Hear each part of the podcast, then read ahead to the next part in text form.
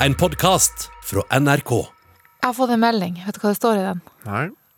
Det er klart for vårens vakreste eventyr. Dugnad i veien min klokka 18 i kveld. Da er det bare å løpe så fort du kan. Her gjelder det å slippe unna. Men det som er fint, er jo at vi har jo en gjest i dag som kanskje kan eh, gi meg noen gode råd. Ja, hun løper så langt at det holder òg. Ja, for hun er ikke noen sprinter, Karoline Nei, Bjerkeli hun er ikke det. Og løper du 3-5 km som hun pleier å gjøre, så da er du trygg for dugnaden. Absolutt. Velkommen skal dere være til dugnad. Nei da! Velkommen til sporten! Hvor vi skal opp på pallen, og så skal vi Inn i garderoben. Helt riktig. Sporten med Karina og Carl Andreas.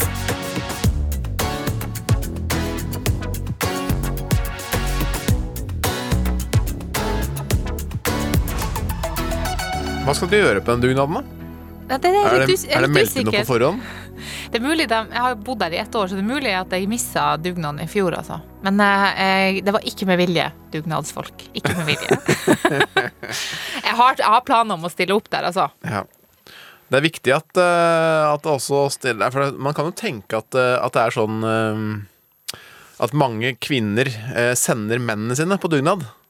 Ja, Men det er jo deilig kan- å komme seg ut. Det er jo fint vær og Ja, vår. og så kan jeg si at det er veldig, alltid veldig viktig at det også er kvinner der. Ja. For det gjør noe med stemningen. Ikke sant? For vi må også ha med bare kvinnene, og dette her er på en måte en overgang til at kvinner Det er jo de som liksom gjør det bra for Norge nå. I hvert fall om våren, si. For Ja. nå er jo friidretten på gang. Folk har begynt å springe fort. Og det har jo også Karoline Bjerkeli Grøvdal. For hun har jo altså sprunget fortest i hele verden på fem kilometer gateløp. Ja.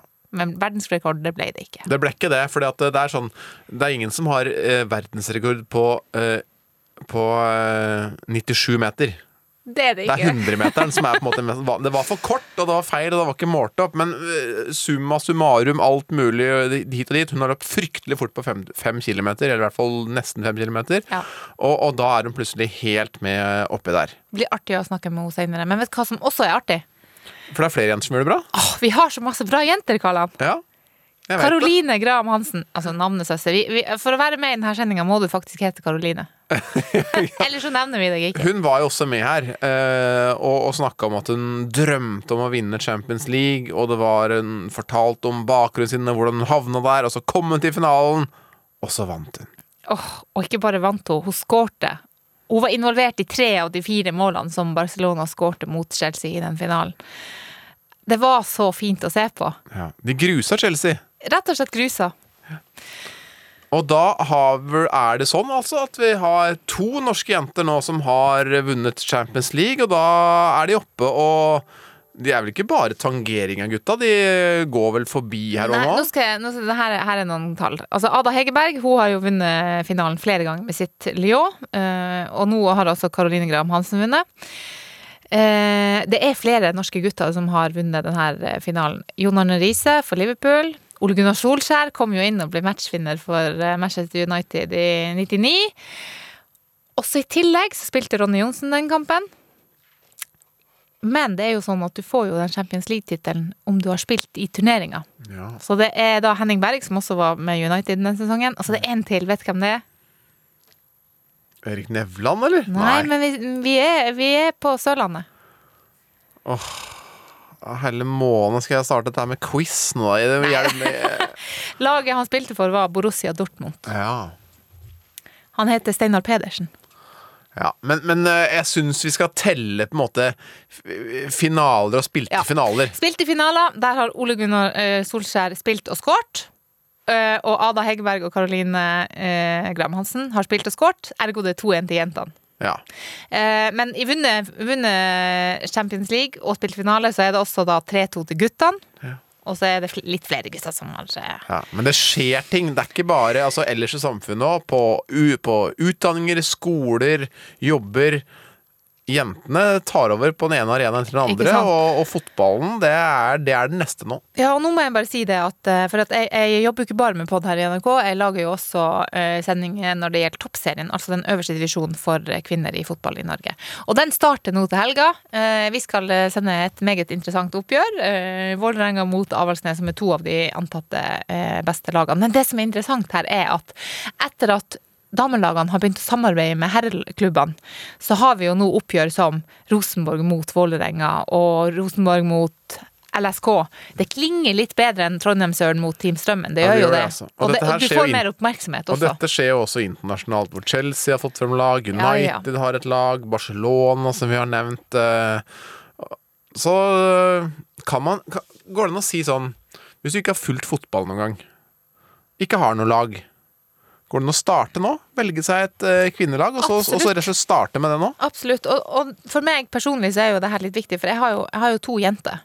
Eh, og, og jeg kan jo like gjerne nå kjøpe en Barcelona-drakt til mine jenter, og så står det Gran bakpå. Som at det står Messi. Det er akkurat det samme, men det er så viktig for meg. Fordi da jeg vokste opp, så var det jo aldri snakk om å kjøpe en, en drakt med Linda Medalen bakpå.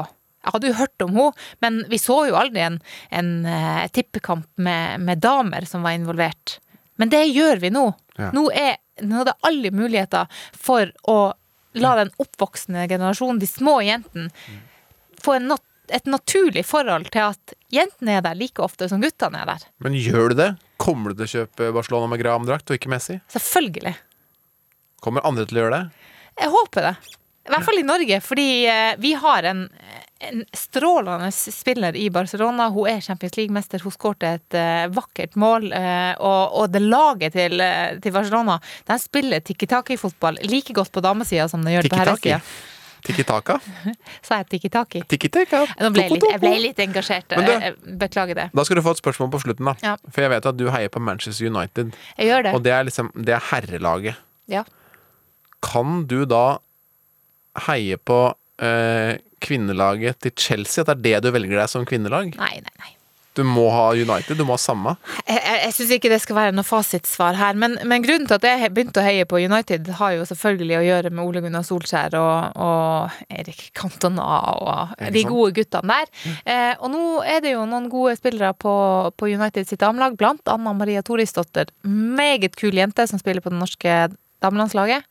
Eh, det er noen kule norske jenter på Chelsea òg, men jeg vil aldri funnet på å heie på Chelsea. Sorry, ass. Du nevner Eric Cantona, som er en legende i United. Og han ble ekstra kjent fordi han hadde temperament. Førte, førte bl.a. til at han tok et sånt karatespark på en tilskuer. Ble selvfølgelig utvist og fikk lang karantene.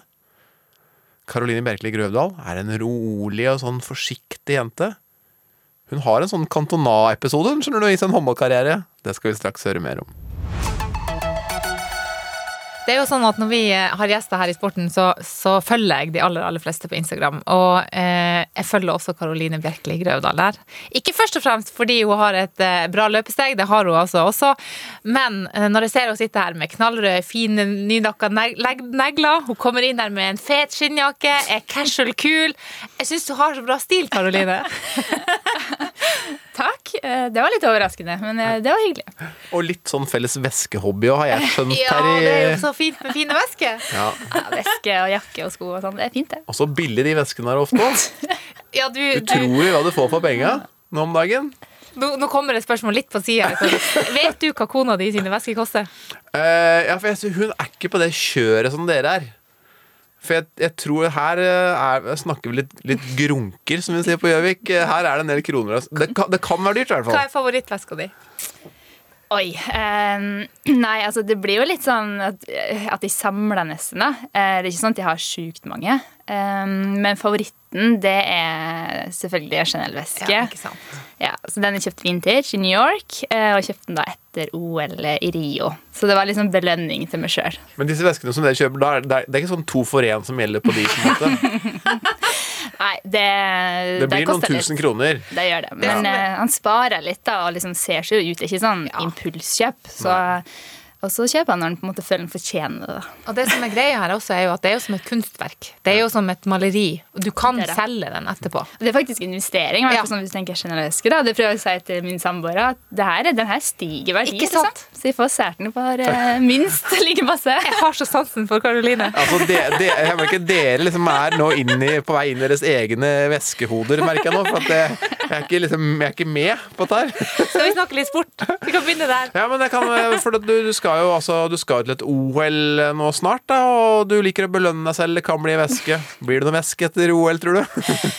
Altså, Foreløpig har jeg liksom ikke begynt å tenke ut hva premien er ennå, så vi får vente, vente litt. Da. Ha litt fokus på OL først. Ikke Ja, sant? jeg skjønner det er fornuftig, altså. Karoline, du fremstår som en eh, liksom rolig og neppe og fornuftig jente som eh, kanskje ikke alltid gjør det du skal, da, men fremstår veldig snill og grei. Og så har vi snakka litt om Eric Cantona. Han var en legende i Manchester United, hadde et enormt temperament og er særlig kjent for at han angrep en i publikum en gang og fikk rødt kort. Du har spilt håndball og ble utvist en kamp mot Stryn i ren Cantona-stil. Hva var det som skjedde? Oi, oi, oi. Her har dere gjort eh, god research, ja.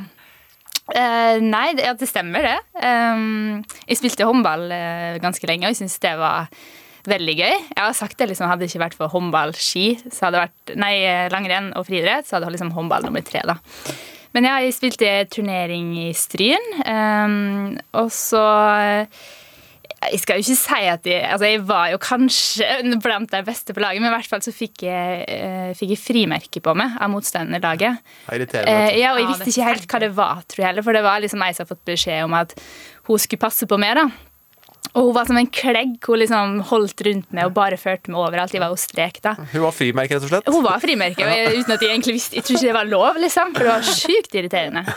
Eh, så da ble det liksom et par albuer sånn for å få vekk, og hun ned i bakken, og så var det rett rødt kort på tribunen. Og det var etter sånn ti minutter, liksom. Du var, hit, da, men du var hissig, rett og slett. Ja, jeg var hissig. Jeg har litt temperament, så det, men ikke sånn at jeg er ikke voldelig. Altså. Men da, da ble jeg så irritert, for jeg fikk liksom ikke Jeg fikk ikke ballen, jeg fikk ikke spilt, jeg fikk liksom ikke vist mitt beste. da. Så da ble jeg veldig irritert.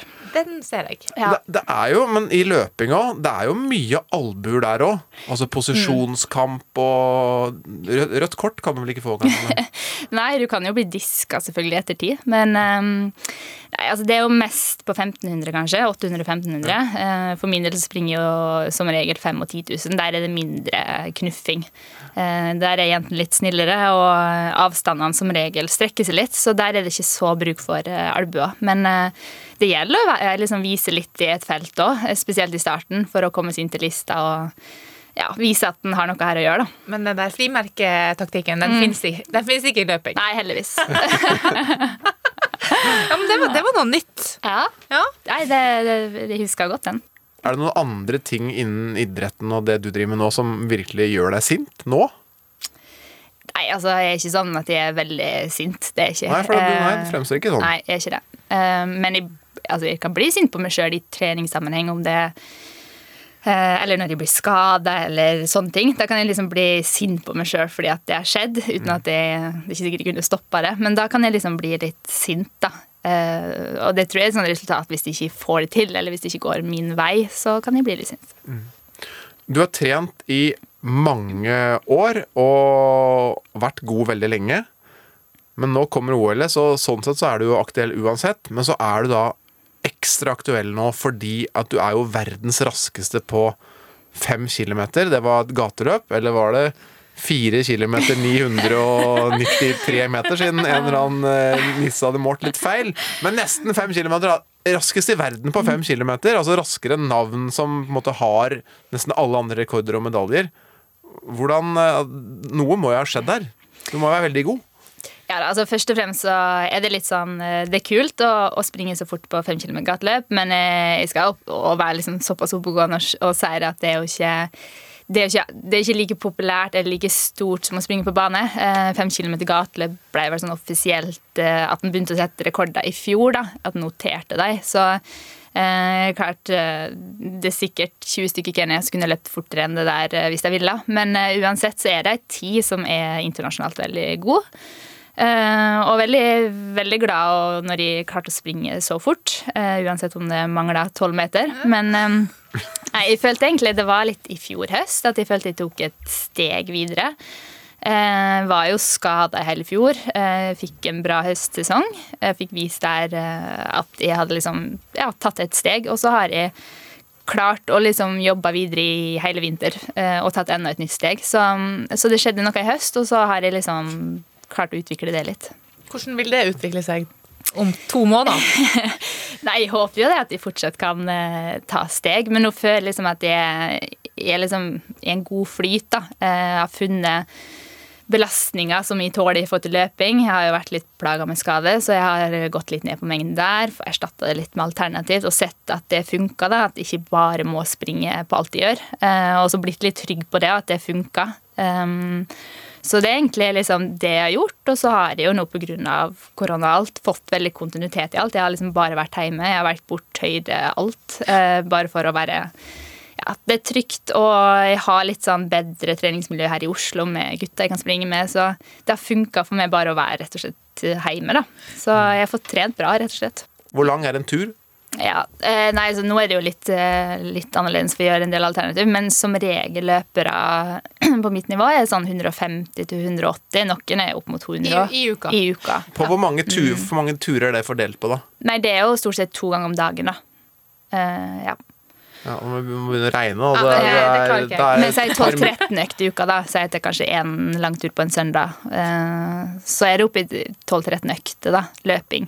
Ja. Eh, men der har jo jeg kutta. Altså, mange av de går jo på rulleski eller sykler eller liksom tar litt ned, da. Ja, men da løper du en mil om gangen omtrent, da. Ja, stort sett mellom ei mil og to og en halv, på en måte, per økt. Ja. Eh, så da blir det jo en del kilometer. Og det er nok mange som sikkert kan løpe en mil og sånn, men du løper jo helsikes fort og sikkert, da. Ja, du kan være To mil om dagen er jo 140 i uka, da, så det er jo litt mer enn det, liksom. Så, um, men så er det variasjon mellom um, rolig og hardt, selvfølgelig. Men ja, det går jo fort i forhold til vanlige folk i yoga. Altså, Jogger du noen gang med venninnene dine? Nei, det gjør jeg ikke. Det sakteste jeg jogger, er jo når jeg får med Magnus av og til. Eh, Og det er samboeren din? Ja, og da er det jo Da kan vi ikke snakke, da, for han er jo så sliten. Så jeg, sånn, jeg babler jo og litt sånn derre Kjefter på han for at han snakker ikke. Jeg skal si deg, det, det er ingenting som er så irriterende som å være på rolig langtur med en som springer altfor fort. Nei. Og jeg klager litt på at han er så stille og ikke snakker, for jeg vil jo liksom For det er jo en rolig tur for meg, men da er det jo selvfølgelig for at han er mer enn nok med bare å puste. Jeg er på Magnus sitt lag her. For, for du, du løp med kjæresten din du helt til han fikk prolaps pga. løpinga. Stemmer. Det Skada du han? Altså, jeg har fått litt kjeft av at det var min feil, så jeg, nå har jeg begynt å jogge litt med han igjen. Og det er jo snart to år siden jeg har jogga med han sist, så jeg har faktisk, vi har ikke jogga sammen på nesten to år. Eh, Og det var jo på grunn av at han det er jo ikke min feil at han vil plutselig ville bli med på alle økter jeg hadde i starten der. og sprang tomilsturer i mitt Forelska, tempo. da, vet du. Kan man ikke gjøre da? Det er smell, det. Skulle imponere, Rett på prolaps, det. Så han fikk en prolaps, og det er da to år siden. Men ok, da si jeg det er jo en uh, ung, ung kar, sikkert normalt trent, og når, når du løper med han, og dere er ferdig, merker du at du har løpt i det hele tatt da? Ja, altså det, det øktene han var med på, var jo sånn som vi kaller rolig langtur. da. Eh, så det er liksom ikke noe Ja, det er en rolig tur, så det er ikke sliten etterpå, nei. Ja, det er litt sånn som Ja. at hvis jeg går på butikken og du løper med han, så er, føler vi det samme etterpå. Ja, omtrent. Men da, da lurer jeg på en ting, for jeg øh, var sånn, det var veldig tidlig klart at øh, for min egen del hvis Jeg kunne løpe 100 meter og kunne løpe det ganske fort. Men så fort det var lenger enn det, så jeg ble sliten, jeg ble, det var for tungt. Det, var for, det gikk ikke å løpe langt da for meg. Når merka du at du var lett på foten? At, at dette gikk bra? Dette gikk av seg sjøl? Eh, Det er et vanskelig spørsmål. Jeg tror jeg aldri har tenkt over det. Eh, aldri reflektert over når jeg Men klart, jeg, gikk jo Det var jo langrenn jeg skulle, skulle satse på. Og så var det jo egentlig som del av langrenn, langrenn så var det en del bar- barmarkstrening. Um, og da løp vi jo masse, så jeg fikk alltid liksom høre når vi hadde samlinger med, kretsen og løp, da selv om det var med staver og i myr og alt det der, så fikk jeg alltid høre om liksom steget mitt, da, at det liksom, du har et veldig bra steg.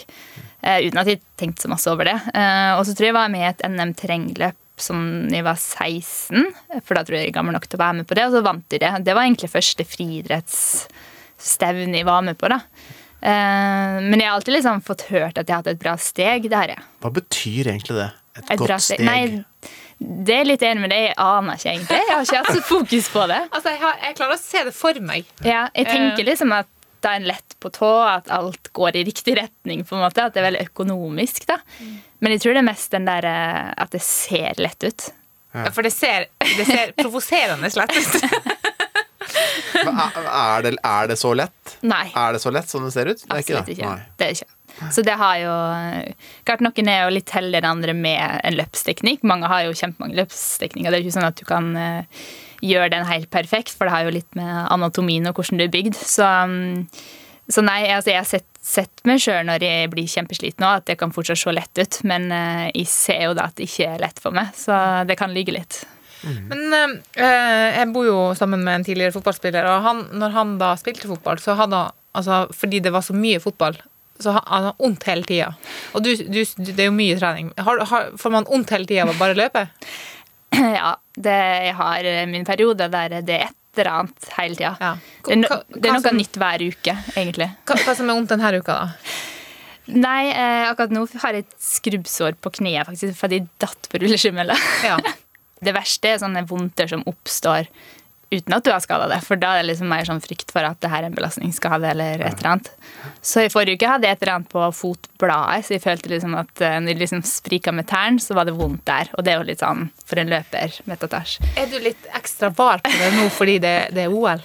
Ja, jeg tror det. Eh, Jeg er vanligvis ikke, ikke noe hypokonder, eller sånn som jeg egentlig kjenner etter, men jeg har hatt så masse skader. Og så har det gått så bra nå med løp, så da er jeg liksom akkurat i går og venter litt på at nå kan det skje noe. Så jeg prøver å legge det litt sånn bak, da.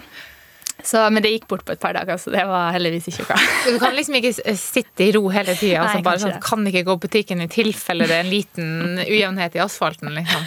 Nei, så han tar jo litt mer sånn eh, Tenker litt over hva han gjør utenom trening. At han ikke gjør noe helt crazy eller ja, Jeg tar ikke på meg landeveis eller sykler på landevei nå bare for å sykle en tur, for det er jeg litt mer redd for at da kan jeg være litt uheldig og skje noe, da. Det er masse idioter i trafikken. Ja, så det er den Ja, det er ikke min feil, i hvert fall. Det, det kom rett fra hjertet. Ja, men jeg mener det. Nei, så litt, eh, litt safe må man være akkurat nå. Du, det er jo noen som sier For du har jo holdt Jeg, jeg mener jo eh, du har holdt på med det her kjempelenge. Men eh, er du en late bloomer? Uh, oi, det kanskje sånn både og. For litt som du sier, jeg har jo holdt på med det her kjempelenge. Eh, og jeg var jo veldig god som junior og har jo junior-EM-gull og alt det der, så jeg liksom ikke Jeg var jo god da òg, men så hadde jeg noen år etter det i 20-åra som eh, stagnerte litt og sleit litt. Eh, og så føler jeg på en måte at jeg har kanskje begynt å blomstre litt nå i 30-åra, eller når jeg bikka 30. Så kanskje litt sånn berg-og-dal-bane mer. Hva, hva er årsaken til det, tror du? Nei, jeg tror det er litt sammensatt. Eh, Utholdenhet og løping, er, spesielt for jenter, tar jo litt lengre tid enn for gutter. eh, Og, og tar ut sitt fulle potensial. Og så har jo jeg hatt mine problemer med skader og, og en juniorkarriere der eh, jeg sleit litt med, med mat og vekt òg. Så jeg tror på en måte alt ble litt forsinka. At jeg liksom satt litt på vent, utviklinga mi. Eh, og så har jeg fått gode år nå med stabilitet og forholdsvis skadefri. Selv om jeg har hatt liksom litt her og der, så har det, har det gått jevnt. Eh, og så blir en jo litt sterkere med alder nå, så jeg tror på en måte kanskje det er hovedgrunnen. Er, er det vanskelig, eller er det vanskeligere å være kvinne i en idrett hvor, det faktisk, hvor vekt har så mye å si? Eh, Det er vanskelig å si om det er vanskeligere enn for gutta. Eh, De kjenner sikkert på det, det òg, men klart løping er jo en vektidrett. Så, det er jo det som er litt sånn med den idretten, at en ikke skal snakke om det. Eh, Samtidig så vet en jo det at det, det er jo viktig. Ja, for Det føles litt som et tema som Mm. man ikke skal Du skal ikke gå inn der og skal lage en sak, og da skal det ikke handle om vekta til hun, hva hun veier, eller sånn. Det- skal det i hvert fall ikke handle om. Nei, det, og det har det vært litt sånn òg, at det at det skal ikke være så, så fokus på. Men eh, jeg er jo vant til å være på treningsleir med, med gutta eh, i, Norge, og, og de kan sitte rundt et matbord og snakke om liksom, vekt og matchvekt, hva de skal veie til OL, og og, som om det er helt naturlig, og det er jo egentlig det. Eh, men det kunne jo ikke jenter gjort. Sitte sånn rundt et matbord og snakke Men, men om kan, det, liksom. kan de det nå, eller kan de fortsatt ikke det? Jeg veit ikke. Jeg er jo på en måte ikke i et jentemiljø engang, for jeg er litt alene i det gamet her, og er stort sett på, på treningsleir med gutta. Så, så jeg veit ikke, men jeg har prøvd Jeg tror i hvert fall at at jo mer åpenhet det er litt rundt det, da, eh, så er det litt rom for å snakke om det òg. Og, og det gjør kanskje at spesielt jenter ikke begynner å styre med det sjøl, som er kanskje det farligste. Og litt sånn som i år, at du, du veit i bakhodet, men du skal ikke snakke om det, og så begynner du å eksperimentere litt sjøl, og så kan det gå ille, da. Så da er det bedre at en er litt åpen om det og, og få hjelp eller snakke med Olympiatoppen eller ernæringsfysiologer som kan det her, da. Ja, for det, altså, jeg skjønner jo at vekt er jo viktig, men klart ingen er jo like, så det er jo ikke, noe, det er jo ikke én vekt akkurat på tallet som er riktig. Nei, det er Det ikke er jo forskjell for alle, men altså Men du jobber deg inn mot OL, og, og, og du har naturlig nok i, i samme naturlige eh, tankegang som du skal ha toppform, så skal du også ha en, en matchvekt for å kunne prestere best mulig. Ja, eh, for min del så er jeg litt mer på det jevne, eh, egentlig hele året. Jeg trenger ikke ha så fokus på det. Eh, og vil heller ikke Altså, mange optimaliserer jo vekta frem til et OL. Eh, for min del har jeg funnet ut at eh, med å ha det jevnt da, eh, hele året, egentlig, eh, og på plussida, så holder jeg meg skadefri og frisk og den biten der, og da veier det litt mer opp enn å finpusse inn. Men der er jo folk veldig forskjellige. Da. Noen varierer veldig fra vinter til, til sommer, så, så det er litt sånn opp til, eller individuelt. Eh, Men der får også kjempegod veiledning på Olympiatoppen på eventuelt hvordan det skal gjøres i trygge former. Da. Eh, Så det, det er jo veldig lurt med en sånn metode. For vi har jo laga saker på f.eks. bryterne eh, som eh, piner seg ned. ja, skal inn i sånne svettedrakter og sånt. Men, men jeg kjenner jo som journalist at jeg hadde jo hatt store problemer med å lage samme type reportasje med, med noen unge jenter. De, de kvinnelige bokserne gjør jo det. Det er jo sånn, det er bare sånn man gjør, og, bryter nå òg. Men vi, i de andre idretter så gjør vi ikke det. Nei, og det, det reagerte litt på, for det er litt sånn når en eh, mannlig idrettsutøver blir lagd en reportasje på at liksom eh, har tatt grep, har blitt fittere enn før, eh, gått ned tre kilo, og så står du gjerne med sixpack. Og da blir du litt sånn hylla av alle. Sånn, Oi, det, det er creds, liksom. Eh, men klart hadde jeg stått der og fleksa magen min og sagt jeg har gått ned to kilo, så hadde jeg vært sjuk. Ja, ja, ja. Så der, er- der, liksom, der er det et uh, litt urettferdig Ikke at en skal gjøre det, men det blir to forskjellige ting med en gang. da. Ja. Men, Men du- dere men du- bør jo likebehandles som idrettsutøvere. Absolutt. Du burde jo kunne sagt det. Jeg regner med du har sixpack òg, så kunne jo vist deg og sagt at nå ser det jævlig bra ut her, faktisk. Ja, Det altså, burde jo vært greit. Men for min del så, så føler jeg jo litt på at jeg har jo et ansvar som forbilde for ganske mange unge òg. Eh, og faktisk er litt sånn bevisst når jeg legger ut på Instagram. Klart det er jo min naturlige måte å kle meg på når jeg springer konkurranse. Er jo veldig lite klær. Men det er ikke sånn at jeg legger ut det bildet jeg har best sixpack på. Jeg velger faktisk litt motsatt. da. Eh, bare for at jeg vet at jeg kan få kommentarer på at da er du et dårlig forbilde. Så jeg tror ikke gutta tenker sånn. Eh, det Nei, det tror jeg ikke du gjør. Du, og du burde egentlig ikke tenke sånn du heller, men jeg skjønner at det blir sånn. Men dette er sikkert et kjempedumt spørsmål. Men altså, ok, nå snakker vi mye om vekt og sånn. Er det så enkelt som at hvis man veier mindre, så er det mindre å dra på når du løper? Altså, er det, er, det, det- er det derfor det er så Er ikke, viktig? er ikke muskler tyngre enn Ja. Jo, altså, Nei, det er ikke så lett. Absolutt ikke. Og du, det kan han se blant de beste, og det er ikke nødvendigvis den som er best, som er lettest. Klart han må være lett i løping, det vet jo alle, men det er så mange faktorer som spiller inn, og spesielt det med å holde seg skadefri og frisk. Det vet en jo at eh, jo lettere han er, jo dårligere immunforsvaren får han, så det er og større risiko for skader, og beintettheten blir skjør. Så det er, veldig, det er en veldig sånn risikosport å prøve å tyne den vekta. Ja, så det fins jo tusen argumenter for at ikke unge jenter skal, burde stå der ute og, og bare se på hva tallet viser på vekta. Absolutt. Det Ja. gjør det. Men du, nå skal vi over til noe helt annet. Jeg vet at du ikke liksom er ikke sånn veldig religiøs, ikke så veldig, ikke så veldig overtroisk eller sånn, men når du går tur, så klarer ikke du å gå rett fram. For plutselig så hopper du til siden. Hvorfor gjør du det? Gjør det? Ja, det er ikke alt du kan tråkke på. Ja, det, nei, det er sant. Nei, hva er det du ikke kan tråkke på? Nei, det er kumlokk, det. det kan gå galt. Det kan det. Ja. Og det er sånn, det nå høres ut som jeg er helt crazy i hodet her. Men det har bare blitt en sånn greie at uh, hvis jeg springer over eller trakker på kumlokk, så er det liksom slå meg sju ganger på skuldra. Gjør du det? Jeg gjør ikke så masse lenger, for nå bare unngår jeg å liksom trykke Ja. på det. Men eh, jeg skal innrømme at jeg løpt et løp, sentrumsløpet, for mange mange år siden. Og da trakka jeg jo på kumlokk i en sving, og så slo jeg meg selv i liksom fart Ja. mens de sprang konkurranse. Sju ganger, liksom. Sju ganger. Kun for at jeg liksom måtte bare bli ferdig med det. Ja. da. Men, da, men ikke, altså, alt hva du blir Ja, for da, var bare sånn, da, bort ja, da blir jo det løpet her dårlig, da. Tenk, sant? Så, ja. Hvorfor, har noen sagt at, det er sju, at du må slå sju ganger på skuldra, eller? Jeg aner ikke hvor jeg har det fra. Jeg har en variant av det, fordi at eh, da jeg begynte på videregående, så møtte jeg jo da eh, min bestevenninne, som også heter Karoline. Eh, hun hadde samme greie med kumlokk, og jeg visste ikke om det der. Og så, så går vi hjem fra skolen, og så plutselig så slår hun meg hardt i ryggen. Og jeg bare, hva, hva faen er det du gjør? Kom, lokk! Hallo! Bring er ulykke. bare ett slag på ryggen er det er varianten i Nord-Norge, da. Ja. Nei, altså, det, jeg tror jeg må ha hørt det da jeg var liten. Eller sånn i yngre dager. da Et eller annet med det. Jeg tror det er litt samme som det svart katt på veien. Og så er det Ja. et eller annet sånn sju ganger på skuldra. Jeg veit ikke hvor jeg har skuldra. da, da da spytter vi. ja. tre Ja, ganger, kanskje. På katt, ja. Nei, Katt spytter du. Er det tre ganger på Spytter du på kumlokka, eller spytter du på Nei, katt? da er det slå i ryggen. Ja. Ja. Det er ikke, det er, ikke sånn at du er redd for å dette ned i hølet. Nei, nei, det mener at det bringer ulykke sånn i ettertid og i livet mitt generelt. liksom Og Men når du klapper sju ganger, så er du safe. Ja, Da er det liksom ferdig, da slipper jeg å tenke mer på det. Så det er lenge. Det er viktig å få, få alle marginene til å spille på Ja. lag. Altså i tilfelle.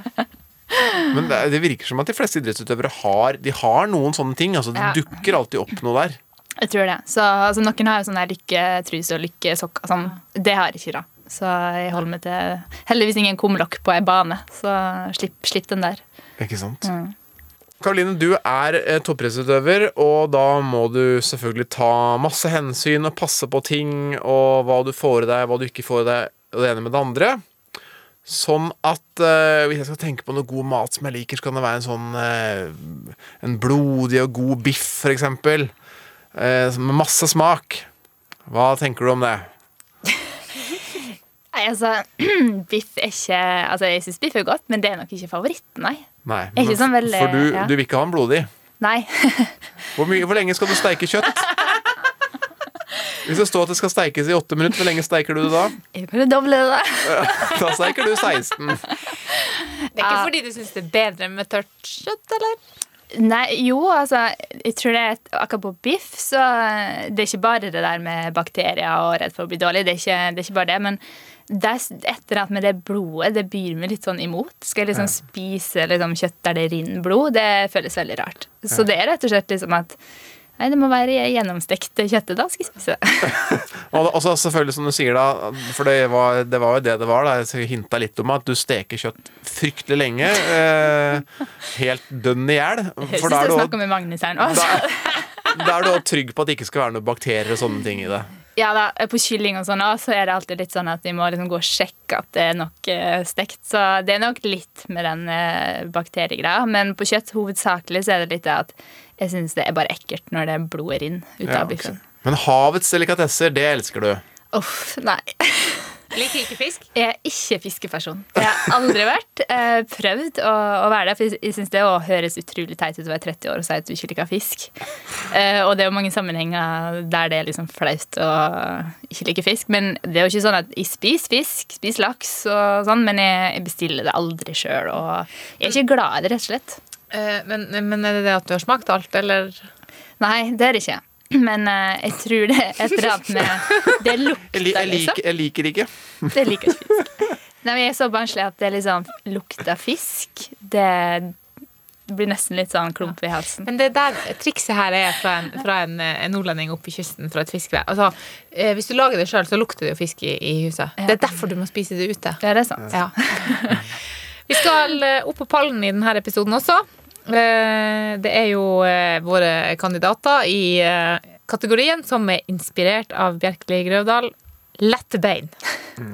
Er ganske, det er en ganske vid eh, kategori, men vi har gjort vårt og eh, kommet fram til to kandidater hver. Og så skal du da bestemme hvem som er på pallen, og hvem som får sur fjerdeplass. Og her går det altså an å komme med Hvis du tenker på andre utøvere som også er lette på foten, som du syns vi helt klart har missa, så er det lov å hive seg inn på det, altså. Men, eh, og dette kan jo tolkes litt, for at det er jo mange måter å være lett på foten eller ha lette bein. Men dette her er en type som jeg, jeg klarte ikke å komme eh, utenom han. Han er 1,81 cm høy, som er ganske sånn vanlig høyde for en mann.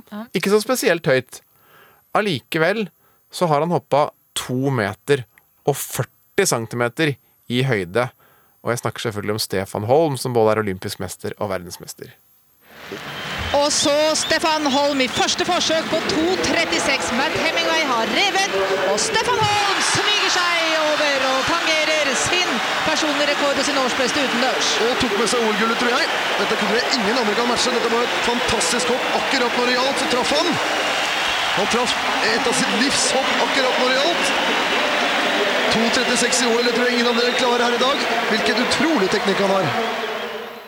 Der endte altså med OL-gull. Man har altså to hopp av 2,40 senere. Og bare etter dette her, gå inn og så sjekk YouTube, og så søker du på Stefan Holm og hekker. Han har sånne hekker som er, er 1,80, like høy som han selv.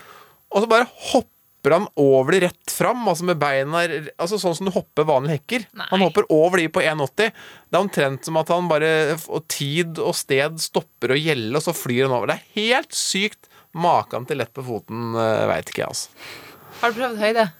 Nei, eh, det har jeg faktisk ikke. Så det, men jeg har sett de eh, videoene du snakka om, så de er sjukt imponerende. Ja, det, er, det er nesten så ikke det går Den spensen spensten der, den Ja, det er imponerende. Min første kandidat uh, hørte jeg jo mange rykter om i, i noen sesonger. Men uh, jeg begynte å se opp for Jakob Ingebrigtsen i 2017, da han fikk være med på Bislett og vant uh, U20-løpet på distansen ei engelsk mil. Eh, da hadde han jo altså satt av 16 års verdensrekord. Den var også god nok til å slå 17-årsrekorden. Og han har jo satt av aldersrekorder gjennom hele oppveksten. Det definitive gjennombruddet det kom i Berlin i 2018. Brødrene er europamester. Skal 17-åring klare lede klart i oppløpet? Se på Jakob Ingebrigtsen. Men så kommer britene. Så kommer Jake Whiteman, den raske briten.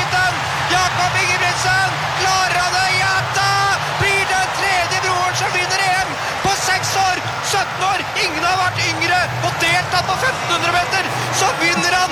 Jakob Ingebrigtsen.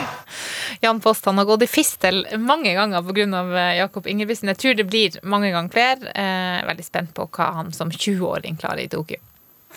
Ja, han er helt Det er et sykt talent, da. Ja, det er jo det er jo ganske greit å gi den lista her når han, han plutselig kommer. For å si det. sånn. Han er lett på foten. Han er lett, lett på foten, absolutt. Men det er jo det er flere som er det, altså. Vi skal høre lyden av en fra Sveits som heter eh, Simon Strikker. Han er 29 år. Akkurat her så ruller han av gårde. Nå skal jeg lære dere Dette her er lyden av skateboardhjul. Og i skateboard så er det et triks som heter manual. Og det betyr rett og slett bare at du balanserer på to hjul. Litt som at du er på bakhjulet på en sykkel, men han gjør det på skateboard. Dette her er den lengste manualen som er filma, i hvert fall. Han kjører altså 2,17 km bare på bakhjulene. og holder balansen på skateboardet. Og det, altså det er så sykt lenge det, for å holde balansen, og da må det være så lett på foten. Han er en Red Bull-utøver. Dette er helt rått. Altså, prøv det. Nei, Still deg på altså- skateboard og prøv bare å holde balansen på, på to hjul. Jeg tror trynet bare ser på skateboard. Ja, omtrent. Har du prøvd det? Nei, jeg- altså, jeg har jo sikkert prøvd det i oppveksten, men nei, det, når du sier det, så er det jo imponerende. Det, ja. Kjører ned et fjellpass, kjører Bernina-passet og hadde en hastighet på rundt 31 km, som er ganske fort i tillegg. Og så klarer å holde balansen da. Ja, lengste manualen som er filma. Manual. Nå lærte jeg meg noe Manual? nytt. Sånn, jeg, er ikke så, jeg er ikke så kul som det du er, Karlan. Bare, prøv det. Jeg er heller ikke god på verken manual eller skateboard, altså, men jeg får med meg når det skjer kule ting. Som vanlig så er jo jeg mer tradisjonell i valget av mine, mine kandidater. Eh, nummer to-kandidaten min er ei eh, jente som er 1,60 høy. Og fordi hun var så lav, og fordi hun var kjapp i starten, så fikk hun kallenavnet Pocket Rocket. Vi snakker om uh, Shelly Ann Fraser Fra Vi snakker Shelly-Ann Fraser fresh. Jeg syns jo at det navnet er så kult i Ja, utgangspunktet. Men, kult hår her men det, ja, ja, det er fargerikt. ikke sant? Vi kan si Prøv en gang til, da. Hvis ikke du Ja. får det til, så kan Karoline og jeg si det, vi. Det er jo ikke kult hvis jeg ikke klarer å si det Nei, ordentlig. jo. Shelly Ann Fraser Price. Ja, det var langt bedre. Den var bra. Eh, hun er altså ei kruttønne, fløy gjennom lufta. Uh, som Karl Andreas uh, sa, hadde mye bra flammefarga hår. Matcha gjerne løpedrakta, sminka seg fint, sto opp med blomsterkrans rundt hodet. Altså Alle de her bildene av hun smilende gjør jo at jeg syns at hun er den beste lette beinkandidaten. Hun har vunnet 100-meteren i tre VM på rad fra 09 til 15, blant annet i Moskva i 13. Ja, En meget kjapp start på English Garden i innerste bane. Se på Shellyan Fraser Price. Her har hun fått opp eh, dampen. Ingen kan ta henne. Hun suser inn her til eh, 10.72. 10.72 på Chelian Fraser Price og vant en suveren seier. Du verden hvilken eh, prestasjon av Chelian Fraser Price. 10,72 ble det der. Hun har altså den fjerde raskeste tida på 100 meter gjennom tiden. Det var da 10,70. Og så må vi jo også nevne OL-gullene hennes på 100 meter, både i London og i Beijing. Så var hun kjappest. Det er fottrapp. Det er lett. Ja, men jeg liker henne best fordi at hun var sånn pocket rocket-type. Mm. det er litt powery òg, altså. Men ja, hun er ekstremt lav. Altså, Ja. det, jeg har stått i heisa med henne, og det er sånn, jeg visste at hun var lav, men hun er lav. Altså. Det er veldig lav. Men hun er kul, da. Kul dame! Og det skal du få lov til å, eh, rangere mot de her uh, kandidatene til Altså, Karl André som jeg nesten ikke husker navnene på. Nei, men da, da, tar vi en, en kjapp repetisjon, for noen må på bånn her. Og Da har vi altså Stefan Holm, og vi har Simon Strikker. Det er jo like sikker på at Karoline nesten har sett det klippet på YouTube. eh, og så har vi Jakob Ingebrigtsen og Shelly Ann Schäfle. Ja, det er så bra at du også ikke klarte det. Helvete, altså. Fraser Price. Ja.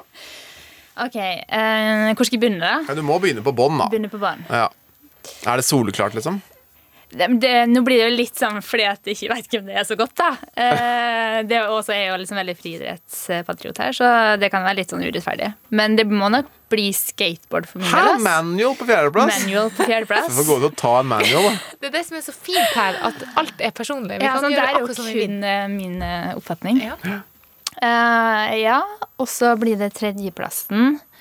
Eh, går til eh, Stefan Holm. Så utrolig overraskende valg. Det er veldig, veldig, det kunne jeg ikke spådd i det hele tatt. Nei, sant? Eh, men altså. så er det faktisk litt eh, vanskelig å skille. Ja, for da blir det Eh. løping mot løping, si. Ja, og begge er jo lett på beina. Eh, Og lett på beina trenger jo ikke å være langt. Så den, den der ble plutselig veldig vrien. Eh, veldig vrien, faktisk. Um, men skal jeg liksom være safe nå, så Ja, Det var ikke noe safing her. Altså, du, må velge, du må velge din personlige greie. Nå fikk jeg akkurat en melding fra Simon Stikker at han ligger og griner hjemme. Eh, Du må bare velge den du som Hvem er det som skal ha Nei. gull i pallen lett lett på foten? gull går til Jakob Ingebrigtsen. Ja, det gjør det, altså. ja, ja, det gjør det. ja, ja. Lang distanse. Det, Jeg tenkte det da jeg, da jeg plukka den ut, så tenkte jeg nei, vet du hva, nå skal jeg kjøre på og kjøre den safe greia. Jeg kunne sikkert ha vært litt morsommere, men det er jo du som er den morsomme typen her, Kallan. Ja, Men det som er bra med Jakob, sant, det er at han, når han springer, så ser det utrolig lett ut. Ja, sant? det. det ser, ser jo ikke fort ut i det hele tatt. Så han er jo litt definisjonen på lette bein, egentlig. Og nå har vi lært det at selv om det ser lett ut òg, så er det ikke Ja, alltid det er det, går lett. Nei. Du har li, litt tid igjen før det er OL. Hva er det viktigste som liksom du skal, nå skal Hva må du huske på når du går ut her nå, i tillegg til å ikke spise fisk og steike kjøttet i dønn i hjel? Eller snuble i dørsjokken. Ja, og ikke gå på kumlokk. er sant. Nå hørtes det ut som det, det er bare å låse døra og bli inne. Eh, Ja, det jeg enig. Men jeg er ikke så bekymra person som det kanskje hørtes ut som der. Altså, det er ikke. Men eh, nei, nå skal jeg altså nå skal jeg på en måte ikke nyte å være i form, men jeg skal i hvert fall ta med meg at jeg er i god form. Og masse trening igjen, så det er ikke klart avreise ennå. Um, og så er det jo litt sånn Sesongen begynner jo nå, og kribler etter å få konkurrert. Spesielt konkurrert eh, mot folk. Eh, begynner å bli litt lei av lyshare og litt det greiene der. Så nå har jeg lyst til å springe i et internasjonalt felt, så får vi se når det skjer. Så, men klart det viktigste nå er jo selvfølgelig å holde seg frisk og skadefri fram til 17. juli, som er avreise til Tokyo. Så det er oppdraget. Og Kan du love meg en ting?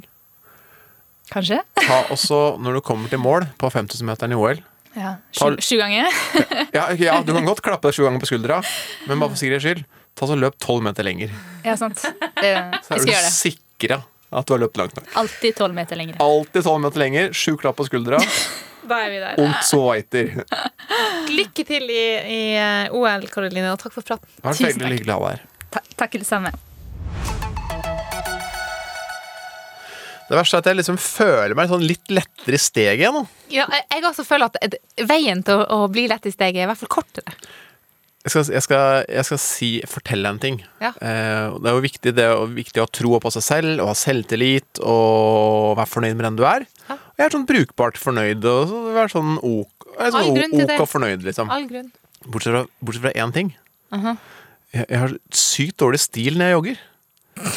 Det ser ikke ut som jeg, jeg er ikke bygd for det, på et vis. Nei. Hvis jeg jogger forbi et sånn utstillingsvindu, jeg har, jeg har sånn store glass, da. Du ser deg sjøl i Det speilet. ser ikke bra ut.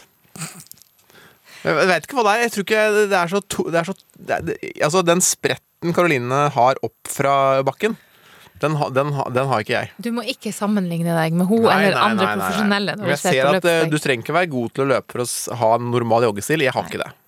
Så det var nå det. Det var det. Skal jeg fortelle deg en ting? Ja. Vi har kjøpt oss ny bil. Oi, dere har kjøpt en ny bil. Det er, Ja, en ja, ja. stor, det er jo en stor ting, da. Det er en veldig stor ting. Eh, og jeg, eh, det er første gangen jeg sier det høyt, faktisk. Wow. Fordi at eh, jeg blir litt skjelven av å tenke på det. Det er noen kriterier som er viktige når vi kjøper oss bil. Det er jo for det første at den er sikker. Vi har fått to barn, vi må ha en sikker bil. Ok, da, jeg, da er vi mot Volvo. Og så er det eh, viktig å ha plass, for vi har jo fått to barn. Vi må ha god plass. Da er vi mot sånn Chrysler Voyager. Eh, ja. Og så er det viktig at det er en elbil. Fordi, fordi eh, miljø. Da er vi mot eh, Tesla eller Audi eller Kia. Jeg kommer ikke til å si hva slags bil det er, Fordi da kommer advokatkontoret i NRK til å finne ut Å, nå har du begynt å reklamere og sånn. Ja, Men jeg kan si det at det er en bil, det er en bil det er, det er en bil i Det er en fin bil. Har du gått for elbil? Jeg har gått for elbil. Gått for, gått for elbil denne gangen, ja. Men det som er litt morsomt med det her, er For det, du er sikkert inspirert av at eh, nå har rallycross gått over fra eh, bensinmotorer til eh, elbiler. Og du skal starte sesongen nå med elbil. Ja. Så sikkert det du har latt deg Nei, eh, motivere av. ja. Nei, jeg har latt meg rett og slett motivere av at, uh, at vi er i en ny tid, og vi trenger elbiler. Men det var én ting som var veldig viktig, ikke sant. Ja. Når man At jeg kan sette i hårføneren og tørke håret på et jobb. Så det, det, er så, det er ikke så langt unna, fordi at her får vi et steikende, liksom, godt gjennomarbeida tilbud. Uh, vi har vært og sett på den, sjekka barnevogna, at alt vi sant? Det, her er en bra familiebil. Vi, vi bestilte ekstrautstyr. Skal jeg si hva det var? Ja. Oransjelakkert bremsekalifere. Å, det var det vi snakka om! Men da er spørsmålet For oransje bremsekalipere eh, Vi har snakka om det faktisk i Ja, podkasten, det men jeg tror, det er, jeg tror vi kutta det bort. Så det er behind the scenes. Men dette er jo veldig for bremsekalipper i bil. Det som er viktig der, For det er jo mange sportsbiler som har det, ofte rød på sportsbiler. Ja. Men det må stå i stil til fargen! Uten at du skal si bilen oransje bremsekalippere. Da tipper jeg at bilen er svart. Den er Manhattan-grå. Manhattan. Det, det er som å si New York og Manhattan, sier man på Fy faen, det er verre enn svenskene som sier New, New, York. Og Michael Jackson. Eh, Har dere sånn Manhattan-grå? Satan, altså. Det er en jævla fin farge. Ja. Ja, Ja, men den, den er er grå, såpass- men grå kan funke til oransje bremsekaliber. Det er litt rallycross over det, faktisk. Det er det. Eh, Så nå, eh, nå, nå, blir det, nå blir det miljøvennlig, stor nok plass, sikker nok, og så blir det fett nok med oransje bremse. Er det kalifer eller kalipper? Eh, kalif er en sånn eh, sjef i et muslimsk samfunn, på en måte. Ja. En slags, eh, Ja. slags Nei, eh, så konge. kul- da. Altså så- kalipper. er Så det kul er jeg, da, som bestiller noen greier som jeg egentlig ikke vet hva heter. Du er liksom sånn, sånn- jeg skulle ønske noen kunne filme når du sto i kassa der og ba om oransje bremsekalifere og Manhattan-grå. Du tror at man går i kassa og bestiller seg en elbil. Omtrent. Omtrent. Du, det har vært en, eh, det har vært en fin time. Karoline Bjerkeli Grøvdal hun har eh, vært med i andre podkaster også, og hvor hun har snakka litt mer om løping, som det er mange som bryr seg om. I det lange løp med kollega Jan Post eh, ligger på NRK Radio-appen. Der finner du masse løpeglede, faktisk. Denne uka så er det ei tobarnsmor som, som gjest der, ikke meg. Men veldig lærerikt for meg å høre på når jeg nå skal få fram løpefoten igjen. Og så kan ikke du si hvem som hjelper oss, for det er du så god- på. Ja. Ida Laral Brenna hun står for eh, teknikken. Og så er det Geir Elle som er producer. Og producer Den sier det på engelsk. Manhattan-grå. Kan vi få si en ting på slutten? da? Jeg så nemlig et forslag fra Petter Holm. Hun har snakka mye om is og stålisen og alt sånt, for Ståle Solbakken gjorde det veldig Ja. bra som landslagstrener. Det kom et godt forslag synes jeg, fra Petter Holm som jeg nevnte. da. For jeg har jo ikke mye hår, jeg, vet du. Ikke Ståle Solbakken heller. Flintis. Flintis. Ikke Den er- kjempedum, den. Den er fin. Vi ses neste uke. Sportenpod.nrk.no. Få det inn! Få det inn. Ha det bra. Du har hørt en podkast fra NRK. Hør flere podkaster og din favorittkanal i appen NRK Radio.